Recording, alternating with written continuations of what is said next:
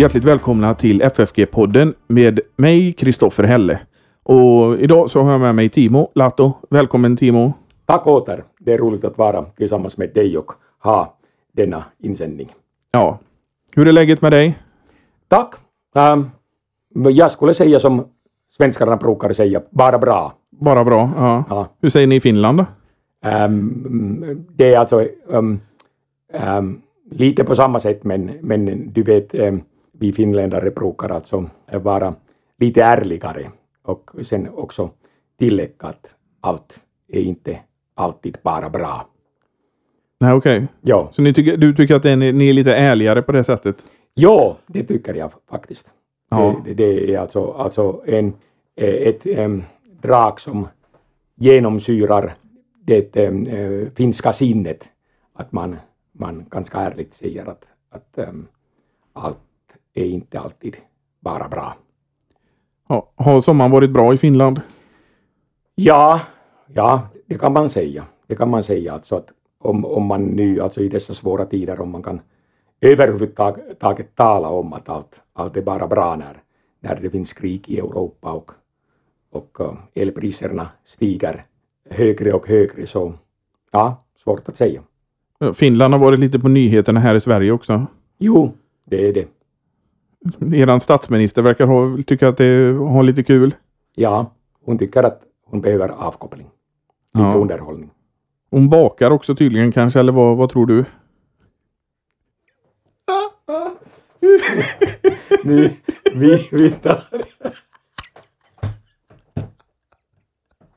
Vi tar, tar bort, vi börjar, vi börjar bort. Hon, hon, hon tillhör åtminstone mjölgänget.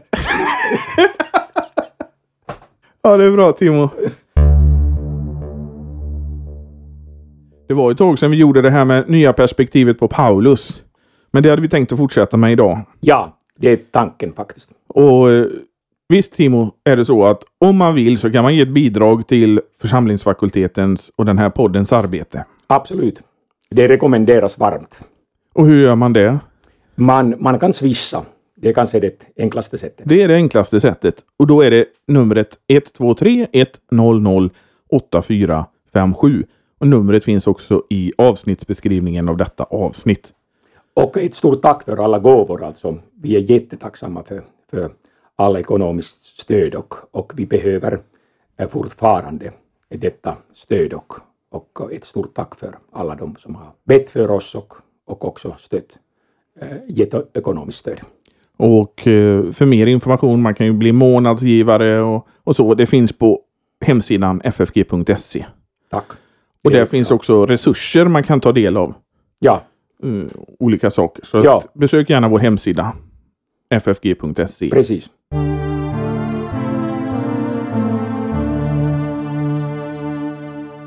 Ja, Timo, förra gången vi pratade om det här nya perspektivet på Paulus så talade vi om den Weberska linjen. Ja, Och jag tänkte så här, vi tar en kort, kort sammanfattning av vad den Weberska linjen är innan vi går in på det som vi ska prata om idag som är den anti-Weberska linjen. Ja, det var alltså en fråga om inställningen till judendomen och uh, judendomen på Paulus tid, på Jesu tid. Och då innebär denna Weberska linje att man har alltså en ganska, eller en mycket dyster bild av dåtidens judendom. Att då, man, man tänker på det viset att dåtidens judendom var genomsyrat av förtjänsttänkandet och, och meriter och, och man knappast hade något rum för Guds nåd och hans barmhärtighet och så vidare. Det är alltså denna Weberska linje står för alla sådana bilder av judendomen som eh, på ett eller annat sätt vill visa att judendomen var en degenererad religion, en religion som, som var eh, helt misslyckad och det var dags att överge hela den där religionen. Det är liksom förenklat och, och lite tillspetsat formulerat. Det är huvudtanken i denna Weberska linje. Sen då så kommer det en, någonting som kallas för den anti-Weberska linjen som en reaktion mot detta då helt enkelt. Ja, man reagerade alltså mot, mot en sådan bild av judendom mycket tidigt och mycket starkt. Och eh, de första som reagerade mot en sådan bild av judendom, det var naturligtvis eh, judiska forskare och eh, inte minst judiska rabbiner som menade att så här kan man inte beskriva, äh, skissera upp judendomens grundtankar, utan man måste alltså på något sätt revidera denna bild och, och på ett grundligt sätt revidera också. Uh, det var liksom startpunkten för den antiweberska linjen. Du, eh, som, som du säger, det var judar som var de första som, som eh, kom med det här. Ja. Och då är det ju en som jag tänker på som heter Schechter. Ja, Salomon Schechter, han var alltså, alltså en rabbi eh, som har skrivit sin, sin bok Aspects of Rabbinic Theology. Och den kom alltså ut redan i början av 1900-talet. Och där kritiserar han mycket starkt denna Weberska linje och denna äh, linje som i allmänhet äh, rådde bland nytestamentliga forskare. Men, men, han har ju också en, vad jag tycker är en felaktig bild. Han talar till exempel om, om det här med förtjänst, att man kan fullgöra lagen och fullgör man bara ett bud så blir man frälst. Och det, det är ju ingenting som vi hittar i varken gamla eller nya testamentet. Nej, vi kan alltså säga att Sechter har mycket att komma med. Han poängterar många viktiga saker och om vi börjar med hans positiva bild av judendom så kan vi säga att, att han betonar mycket starkt denna gemenskap som råder mellan eh, Israel och Israels Gud. Och han poängterar att Gud är nära Israel och denna gemenskap med, med, med Gud och Israel baserar sig på eh, förbundsrelationen och förbundet är det som förenar israeliterna med sin Gud. Och förbundstanken är alltså mycket central. Man kan ju säga i den antiweberska linjen här så är det ju mer att eh, de menar att Gud och Israel är separerat på något sätt. Jo, det, man menade alltså där i, i den weberska linjen att, att Gud har avlägsnat sig från Israel och, och um, han befinner sig nu där någonstans eh, långt borta i himlarnas himmel och um, bryr sig inte mer, sig så mycket mer om, om, om, om israeliterna utan israeliterna ska sen alltså arbeta fram till, till Gud med hjälp av, av sina goda gärningar och så. Men nu kommer alltså Solomon Sechter och menar alltså att läran om Gud inom judendom och inom rabbinismen, det är alltså, alltså någonting helt annat. Och jag tror att han har rätt där.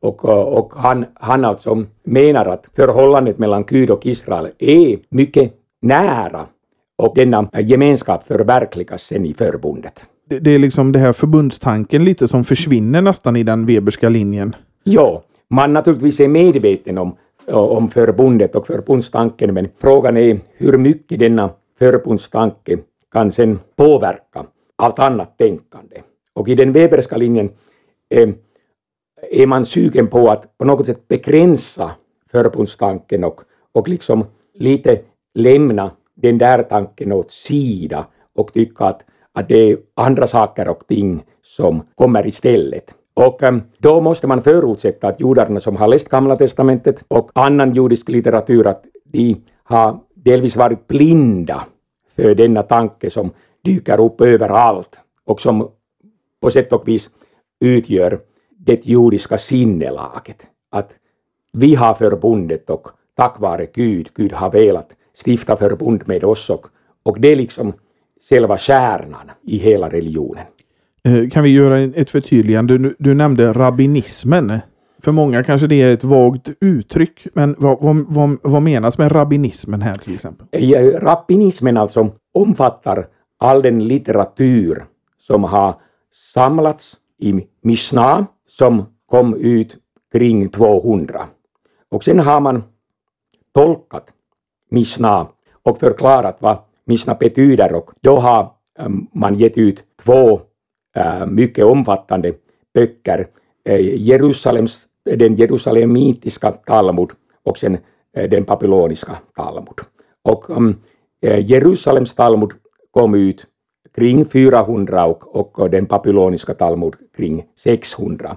Så att där har vi dessa huvudkällor för rappinismen. Sen finns det många andra skrifter också, men, men, men jag, jag tror att det räcker att säga att, att det är alltså den typ av uh, juden, den typen av judendom som kommer till uttryck i Mishnah och Talmud. Sen har vi, vi, har, vi har pratat om han Schechter här. Som jag sa innan så, så hävdar ju han att man kan fullgöra lagen och man, kan, man blir frälst om man bara fullgör ett bud. Ja, och då måste man ju um, fullgöra detta bud, ett bud perfekt. Och um, det är alltså något som Salomon Schichter menar att det kan man göra. Därför att Gud har skapat människan, människan är god, i sitt innersta åtminstone, människan har fri vilja. Och om människan vill, då kan hon fullgöra sin goda vilja, bara hon vill det. Och då tvivlar Salomon Sechter inte alls på, på detta påstående att du verkligen kan fullgöra ett bud perfekt, bara du vill det. Och sen måste man tillägga, då måste man också lite eh, bagatellisera eh, begreppet begär, eh, så att judarna tänker på det viset att begär som sådant inte är synd, eh, bara om du vill sen ha det som är föremålet för ditt begär. Om du vill ha det också. Så att eh, det finns alltså ett sånt tilläggsmoment i, i detta begrepp begär. Begär som sådant är inte synd, men begäret plus viljan att få föremålet för begäret, då blir det synd. Och då kan vi alltså eh, kanske bättre förstå denna tanke att i så fall blir det åtminstone lite lättare att fullgöra ett bud perfekt eh, om man tänker så. Och sen kan vi till exempel läsa i Romarbrevet kapitel 7 där vi har Jakets monolog. Vi kan återkalla i minnet att det var just detta begär som blev problemet för honom och han säger att, att jag inte skulle ha vetat någonting om synd om budordet inte hade sagt du ska inte ha begär. Så att jag tror att där ser vi sen alltså det här att i kristna sammanhang betonar man mera denna negativa sida av begäret och man vågar säga att begäret som sådant är synd. Så, så då han ansluter sig till det som Odeberg skulle kalla för fariseism? Ja, alltså Odeberg talar om fariseism och kristendom och han sen alltså närmast citerar rabbinska källor. Och här kan vi säga att vi inte utan vidare kan göra denna eller sätta ett likhetstecken mellan fariseism och rabbinism. Det, det är utifrån dagens perspektiv för vågat. Eh, vi kan alltså inte säga att fariseism är första århundradets fariseism är exakt detsamma som andra eller tredje eller femte eller sjätte århundradets rabbinism. Denna slutsats går för långt. Men det finns likheter? Det finns likheter och, och, och, och åtminstone kan vi alltså säga att när vi jämför sen alltså kristendomens grundtankar med rabbinismens grundtankar så har Odeberg rätt i sitt påstående att äh, rabbinismen i varje fall representerar alltså en mycket, mycket mer optimistisk människosyn jämfört med, med den kristna synen på människan. Men om vi fortsätter med, med Salomon Schechter här så han ägnar inte Paulus så stort utrymme som andra. Paulus får inte den centrala betydelsen i, i, hans förståelse. Nej, det är egentligen eh, inte alls Paulus som han undersöker. Han alltså skisserar upp en bra bild av judendomen och äh, han äh, bara i förbigående skriver ungefär så här om jag får citera nu, det här är en fri översättning. Han säger så här att antingen är rabbinernas teologi felaktig, dess uppfattning om Gud inte särskilt hög, dess huvudmotiv materialistiska eller grova. Och dess lärare utan entusiasm och spiritualitet eller också är hedningarnas apostel, alltså Paulus, alldeles obegriplig. Det är alltså det som han skriver och alla som läser hans bok förstår att han själv lutar, ja klart och tydligt, lutar åt detta senare alternativ att hedningarnas apostel är alldeles obegriplig. Det är hans mening men men sen alltså lämnar han saken och, och hela frågeställningen och, och, och, och börjar alltså skissera upp sin bild av judendom och, och det är sen, låt oss säga allt det som han gör. Ska vi gå vidare? Ja, det kan vi göra. Och vi har en annan judisk eh, man som heter Montefiore. Ja. Han behandlar ju mer relationen till Paulus. Ja, det gör han. Och hans huvudtes är ganska intressant. Han menar att det vore möjligt att göra en skillnad mellan den palestinska judendomen och den hellenistiska judendomen. Och han menar då alltså att när Montefiori, när vi läser palestinska judiska källor, då blir det svårt att förstå Paulus och Paulus kritik av judendomen. Därför att Montefiore menar att den palestinska judendomen inte alls representerar en sådan gärningsreligion som Paulus kritiserar och, och därför eh, skulle man dra slutsatsen att Paulus har fel. Men Montefiore sen fortsätter sitt resonemang och menar att Paulus som härstammar från Tarsus, från Kilikien, att han var närmast alltså, han representerade, representerade närmast alltså eh, den hellenistiska judendomen. Och då resonerar Montefiore vidare på det viset att den hellenistiska judendomen var degenererad. Och Paulus har all rätt att kritisera den hellenistiska judendomen, men egentligen inte den palestinska judendomen. Och det är, det är alltså Montefiores huvudtanke. Ehm, och ehm, då har han åtminstone försökt på något sätt förklara förhållandet mellan Paulus och judendom och hans förklaring ser ut så här. Men samtidigt måste vi säga att, att denna gränslinje, denna stora skillnad mellan den palestinska och den hellenistiska judendom, denna skillnad som Montefiore drar, det är alltså en skillnad som inte är en verklig skillnad. Alltså, Eh, dessa gränslinjer har alltid varit så kristallklara, utan hellenistiska inslag har alltså spridit sig överallt, också i det dåvarande Israel och Israels område. Så att betona att, att det finns en sån kristallklar skillnad mellan den palestinska och hellenistiska judendomen, det är alltså en teori som baserar sig på skrivbordstänkandet och har ingen motsvarighet i verkligheten. Men eh, Montefiore han försöker ju teckna en stor bild men om man ser på hans källmaterial så är det mest rabbinistiska källor på 300 och 400-talet. Precis, precis. Och då menar han att, att dessa hellenistiska källor från tidigare tider, att de representerar sen alltså en, en, en, en annorlunda bild. Att så, så måste alltså Montefiore också förutsätta att denna senare bild av judendom som, som kännetecknas av denna äh, ljusa bild av, av, av frälsningssynen, denna äh, palestinska judiska syn på frälsningen, att, äh, och, och, och denna syn som alltså äh, träder fram i dessa senare källor, att det, det kan utan vidare projiceras tillbaka till Paulus tid. Och det är naturligtvis en fråga, att kan man göra så? Och, och, som slutsats kan vi säga att han gör ju den där slutsatsen då att eh, han på ett vis ansluter sig till den vebiska linjen och säger att den hellenistiska judo, judendomen är degenererad men den palestinska judendomen är det inte. Just det, ungefär så. Eh, lite förenklat och tillspetsat men, men, men det, det är ungefär så man kan tolka hans position. Att eh, han på det här viset försöker göra rättvisa åt eh, den judiska religionen och på samma gång göra rättvisa åt denna paulinska kritik av eh, eh, judendomen, det vill säga den hellenistiska judendomen.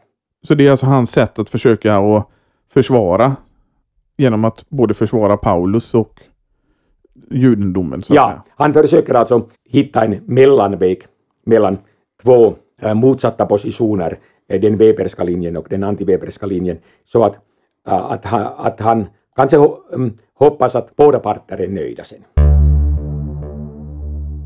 Sen har vi ju en till som också gör den här uppdelningen mellan eh, hellenistisk judendom och palestinsk judendom och det är Köps. Ja, Hans Joachim Köps och det är på det viset en, en, en intressant person att han kommer från Tyskland. Han var också alltså en, en judisk forskare och som tysk medborgare han sen alltså ha en, en sådan här bild av judendomen.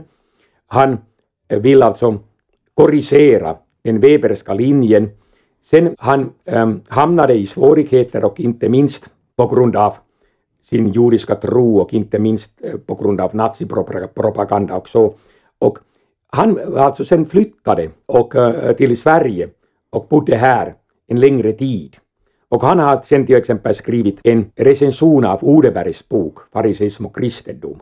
Och Hans Johannes Söps lovprisar denna eh, bok av Odeberg och tycker att denna bok är, är fantastisk och innehåller stora sanningar och sen på samma gång kritiserar sen Hans Joachim Söps Odebergs politiska åsikter och tycker att, att, att han borde vara lika noggrann och lika, lika stort geni i, i, sina politiska eh, skrifter och åsikter som han är i sina religiösa undersökningar. Vi kommer återkomma till Odeberg i den ja. här eh, serien sen för att, det är ju, för att förstå det här så tycker jag att Odeberg är en central figur. Absolut, absolut, det är han. Men eh, Köps, han menar ju då att, att det som rabbinismerna gör är att de håller fast vid Gamla Testamentet. Det är ju någonting som han poängterar och han också eh, betonar förbundet. Ja, det gör han och eh, det kan alltså verka nästan trivialt att han gör så och, um, och att han betonar det här och, och sen wow, det här liksom något helt nytt. Men på den där tiden, ja, det var faktiskt inte sådana triviala saker utan, utan Söps skriver det som han ser i sina texter och betonar att läs nu själv, se på dessa texter och du, noter, du kan genast notera att, att det som jag skriver är rätt. Och i dåtidens situation, det var nog ganska revolutionärt och, och eh, sådana triviala saker som vi kan ta för givna idag. Men, men det var ändå alltså en prominent forskare som lyckades driva igenom sin tes då för tiden och, och det, det är alltså Hans Joachim Söps förtjänst. Men han, eh, han tittar också på Paulus. Ja. Och han gör ungefär samma slutsats som Montefiore. Ja, han, han gör alltså exakt samma skillnad mellan den palestinska och hellenistiska judendomen och menar att, att Paulus kritiserar sen den eh, hellenistiska judendomen och sen också försöker eh, Söps till exempel analysera begreppet nomos lag.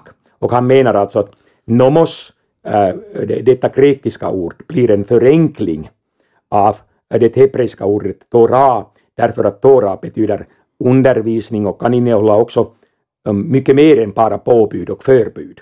Och sen om man översätter Torah med nomos så menade Söps att, då, då förändras innehållet i Toran, det blir bara påbud eller förbud och så vidare. Gör han inte någonting där han säger eh, håll oss honomos? Ja, eh, det, det, är alltså, eh, det är alltså detta begrepp som han tar upp sen, sen alltså från Paulus.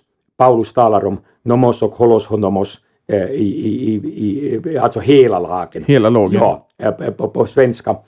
Och det är alltså ett uttryck som förekommer i Galaterbrevet och det blir alltså en sån krånglig exegetisk analys.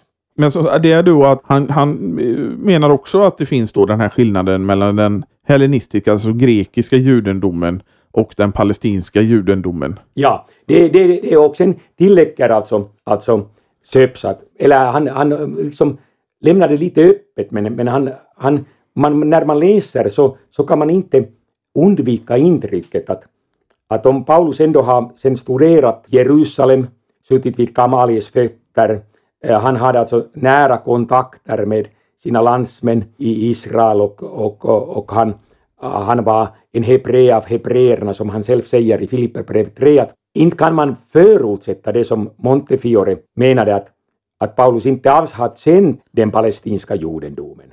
Utan man måste alltså räkna med att Paulus hade tillgång till judiska källor i, i Israel. Han, han hade personliga kontakter med folket där. Och då kommer vi åtminstone nära kommer till, till den slutsatsen att har Paulus ändå sen missförstått den palestinska jorden. Så att det är inte bara det här att han, han äh, kritiserar på rätta grunder, på riktiga grunder den hellenistiska judendomen, utan Paulus borde ha vetat mer och har han då missförstått också den här palestinska judendomen.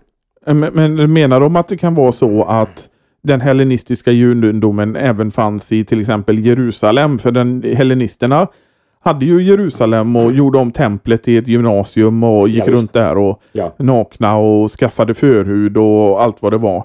No, ja, ja, alltså, alltså det, vad, de gjorde där, det, det, kan bli svårt att säga, men, men alltså att, att i varje fall alltså alla judar, också i diasporan, all, alla judar i försingringen, de hade ändå alltså en nära kontakt med Jerusalem. Och uh, många gjorde pilgrimresor dit och, Och alltså att hela denna idé att göra en skillnad mellan den palestinska judendomen och hellenistiska judendomen, det går inte. Det, det är alltså en fantasifull lösning på problemet. Eh, det har aldrig funnits en sådan kristallklar gränslinje. Och därför har man nu för tiden alltså helt och hållet övergett Montefiores och Schöps eh, tankegångar i, i detta avseende. Ja, för det enda jag skulle tänka det är i så fall om man skulle säga att Qumran var den palestinska, alltså någon isolerad eh, sak i Israel var, var den palestinska då och allt annat var den hellenistiska. Det är ju det enda som jag ser att skulle kunna... Möjligen så, exakt. Ja, det, det, kan- det kan man det kan man alltså, eh, åtminstone snarare skulle man kunna resonera på det viset.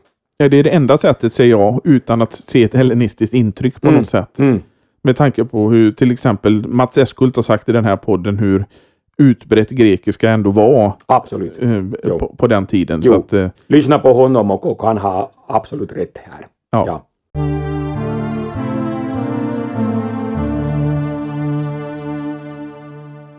Men sen eh, efter Köps så, finns det ju en till framträdande här i den antiweberska linjen och det som skiljer honom åt är att han är kristen och inte jude som de andra. Ja, ja. Och, och, och, och han är alltså en kristen forskare, G.F. Moore. Och han är den första. Och han eh, alltså har redan på 1920-talet skrivit någonting mot eh, den Weberska linjen och mot denna dystra bild av judendomen. Sen eh, senare har han sen alltså ehm, skrivit eh, ett tredelat verk om den tanaitiska judendomen, alltså den tidigaste rappinismen. Och där genomgår han sen alltså alla sådana fräls, äh, äh, soteriologiska läropunkter inom judendomen och, och försöker visa att hur judarna har tänkt och, och, hur de har sammanfogat alla dessa äh, bibliska detaljer ihop till en enhetlig helhet. Du, du eh, pratar om soteriologiska detaljer som plural. Då måste det finnas alltså då flera vägar då enligt flera frälsningsvägar. Alltså, alltså, eh, alltså soteriologiska eh, detaljer och, och, och, principer. Att det, det, det är alltså, alltså just sådana principer inom rappinismen som betonar förbundets roll, Guds nåds roll, denna gemenskap som råder mellan Israel och, och Gud och, och, och sådana saker och ting. Men för förbundstanken är stark även hos Moore. Ja, det är det. Så att det är liksom ett kännetecknande eh, drag i den antiweberska linjen att man utgår ifrån det som är en självklarhet inom Gamla testamentet och sen vill man helt enkelt säga att det är en självklarhet också inom judendomen. Eh, och eh, det är alltså ett påstående som är mycket lätt att acceptera. Att judarna har läst Toran, de har läst Gamla testamentet, de har märkt att förbundstanken har en central betydelse. Okej, då har det. Då har förbundstanken en central betydelse och det är det just som judarna betonar. Sen inom den Weberska linjen, där försöker man på något sätt alltså komma till rätta med denna äh, huvudbetoning och, och man försöker alltså påstå att jo, jo, det är en central tanke i Gamla testamentet, men inte mer i de judiska källorna. Att man har glömt bort det eller, eller bara i förbigående eh, nämnt tanken eller så. Och det där tr tror jag att, att den antiweberska linjen har rätt i sin kritik av den eh, Weberska linjen och inte minst eh, Moore. Att, att han har följt samma linje, eh, han fortsätter på samma linje som eh, Sa- Salomons Hechter, Montefiore och Schöps och betonar samma sak. Och jag själv tycker att ja, han har absolut rätt där. Och det går ju inte så som den Weberska linjen gör på det här sättet att frikoppla Gud från förbundet. Nej, nej, exakt. Det, det är alltså just, just det här att, att mm, eftersom förbundsrelation fortfarande står i kraft, det förutsätter att äh, gemenskapet mellan äh, Israel och Gud, Israels Gud är nära. Att äh, Israels Gud inte har avlägsnat sig från Israel, utan fortfarande är nära och hjälper och kommer till hjälp. Men det är också det här att förbundet, eh, eh, jag har för mig att det är Moore som betonar att förbundet kommer på initiativ av Gud. Ja, ja, det betonar han mycket starkt faktiskt. Att, att förbundet alltså baserar sig på Guds initiativ. Det är Gud som uppenbarar sig för Mose och vill frälsa, rädda sitt folk ur Egypten. Och sen hjälper Gud folket Israel, ger dem mat och dryck tills de kommer till Sinai och först då får israeliterna lag. Och sen frågar Gud att när jag nu har gjort så mycket gott mot er, så vill ni att jag är er Gud, vill ni vara mitt folk? Och naturligtvis kommer Israel med detta svar, ja, vi vill vara ditt folk därför att du är så kärleksfull, du är så god mot oss, du ska vara vår Gud. Hur ska vi nu då sammanfatta den antiweberska linjen? Alltså, um, vi kan sammanfatta det på det viset att den antiweberska linjen är mycket enig i denna förbundstanke att judendomen karaktäriseras av nådförbundet. Där är, vi, är de alla eniga om. De har kanske lite olika betoningar men grundstommen är detsamma. Sen när det gäller alltså frågan om Paulus inställning till judendomen, där skiljer sig ja, nästan alla dessa förklaringar. Mor menar, Mur menar att, att äm, äm, äm, Paulus har kritiserat um, judendomen bara därför att judendom inte är kristendom. Och det är egentligen detta påstående av Moore som sen Sanders tar över. Och vi, vi ska uh, tala om Sanders nästa gång, men, men, äh, men att, att um, Mure tänker på det viset. Och ehm, då har han alltså kommit med en sådan slutsats att Paulus bara märker och noterar att judendom är inte kristendom. Jo, det är tillräckligt att jag kritiserar judendom. Sen har vi alltså Solomon Sehteri som inte riktigt behandlar denna fråga, så, åtminstone inte så ingående, men förutsätter att, att ehm, Paulus egentligen är helt galen.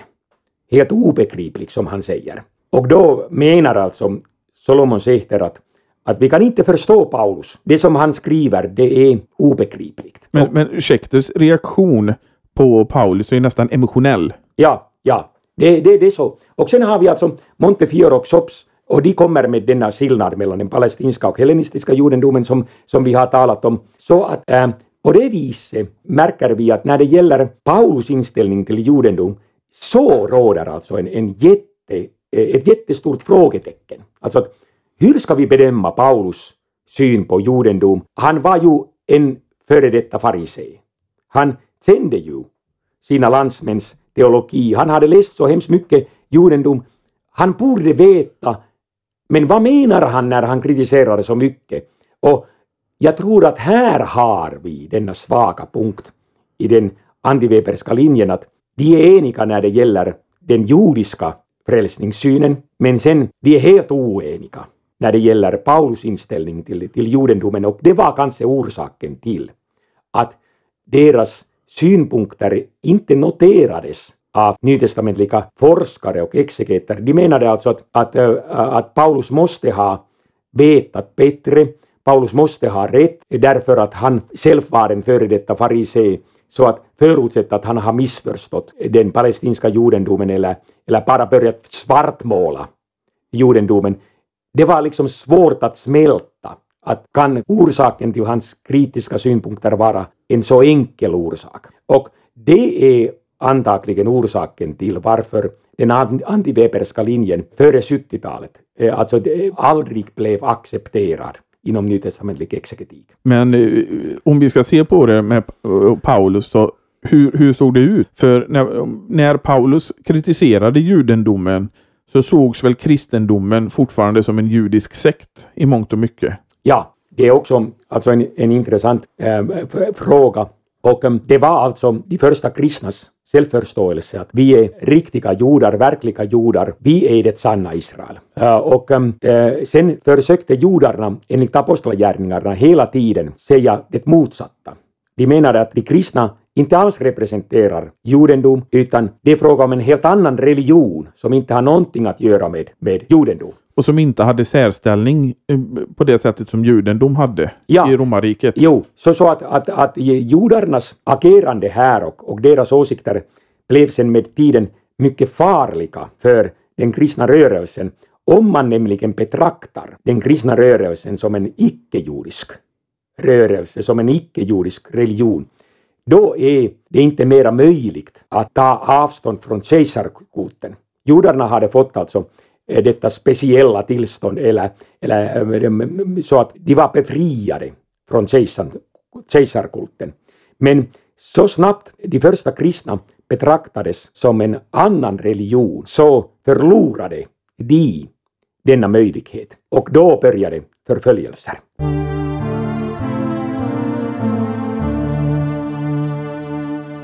Ska vi sluta där idag, Timo?